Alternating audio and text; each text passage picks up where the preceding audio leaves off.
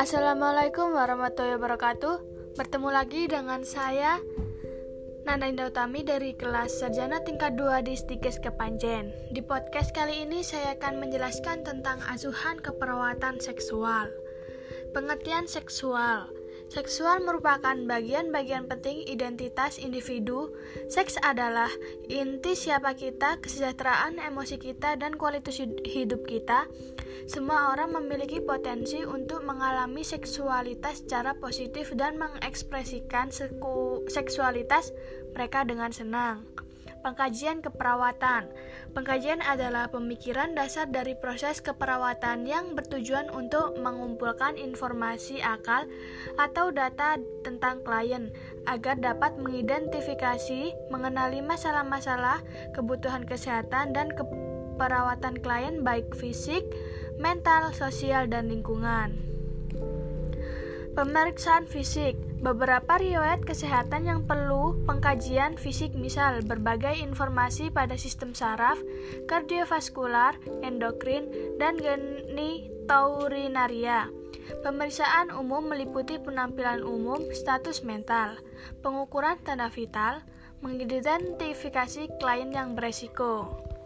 Diagnosis keperawatan Diagnosa keperawatan adalah suatu pernyataan yang menjelaskan respon manusia, status kesehatan atau resiko, perubahan pola dari individu atau kelompok di mana perawat secara akuntabilitas dapat mengidentifikasi dan memberikan intervensi secara pasti untuk menjaga suatu status suatu kesehatan, menurunkan, membatasi, mencegah, dan merubah.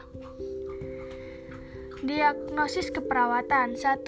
Disfungsi seksual berhubungan dengan gangguan struktur tubuh 2. Ketidakefektifan pola seks berhubungan dengan stres 3. Gangguan citra tubuh berhubungan dengan masalah seksual dapat menjadi etiologi diagnosa keperawatan Perencanaan keperawatan, tujuan yang akan dicapai terhadap masalah seksual yang dialami klien mencakup 1. Pertahankan dan perbaiki kesehatan seksual 2. Tingkatkan pengetahuan tentang seksual dan kesehatan seksual 3. Perbaiki konsep kesadaran diri terhadap sikap dan keyakinan seksual 4. Tingkatkan body image serta harga diri klien 5 cegah kehamilan yang tidak diinginkan, dan yang keenam, cegah terjadinya penyebaran penyakit menular. Intervensi Intervensi adalah tindakan yang dirancang untuk membantu klien dalam beralih dalam tingkat kesehatan saat ini ke tingkat yang diinginkan dalam hasil yang diharapkan. Intervensi disfungsi seksual berhubungan dengan gangguan struktur tubuh Tujuan, setelah dilakukan tindakan keperawatan, diharapkan rasa trauma pada klien hilang dengan kriteria hasil. Trauma berkurang, rasa sakit akan cairan vagina yang berkurang hilang. 1. Memberikan pendidikan dan konseling tentang kebutuhan dan masalah seksual. 2. Mengurangi dorongan seksual. Dan yang ketiga, mencegah isolasi sosial atau terbuka.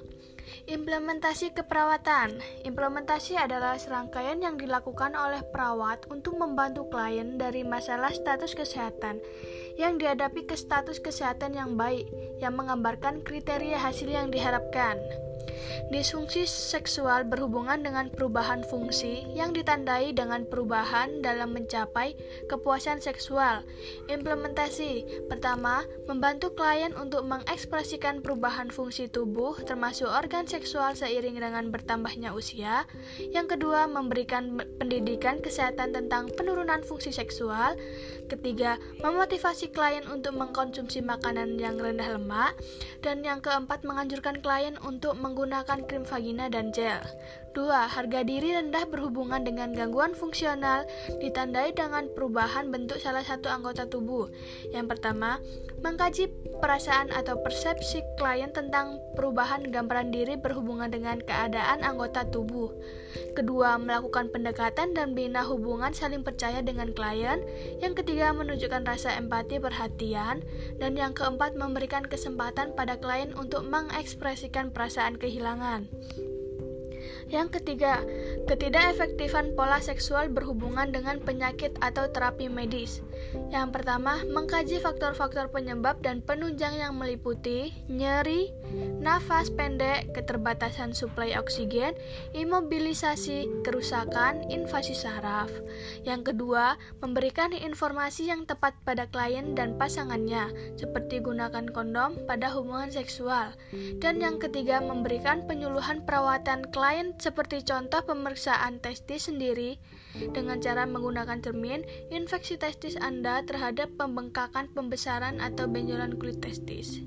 Evaluasi keperawatan Evaluasi keperawatan adalah kegiatan dalam menilai tindakan keperawatan yang telah ditentukan untuk mengetahui pemenuhan kebutuhan klien secara optimal dan mengukur hasil dari proses keperawatan. Evaluasi keperawatan, klien mampu meng hubungkan faktor-faktor fisik atau psikososial yang mengganggu fungsi seksual. Kedua, klien mampu berkomunikasi dengan pasangannya tentang hubungan seksual dengan rasa nyaman. Ketiga, klien mengatakan kembali bahwa aktivitas seksualnya ada pada tahap yang memuaskan dirinya dan pasangannya. Dan yang terakhir keempat, klien dan pasangannya mengatakan keinginan dan hasrat untuk mencari bantuan dan terapi seks profesional. Sekian penjelasan dari saya tentang asuhan keperawatan seksual dan di sini saya akan menyampaikan kesimpulannya.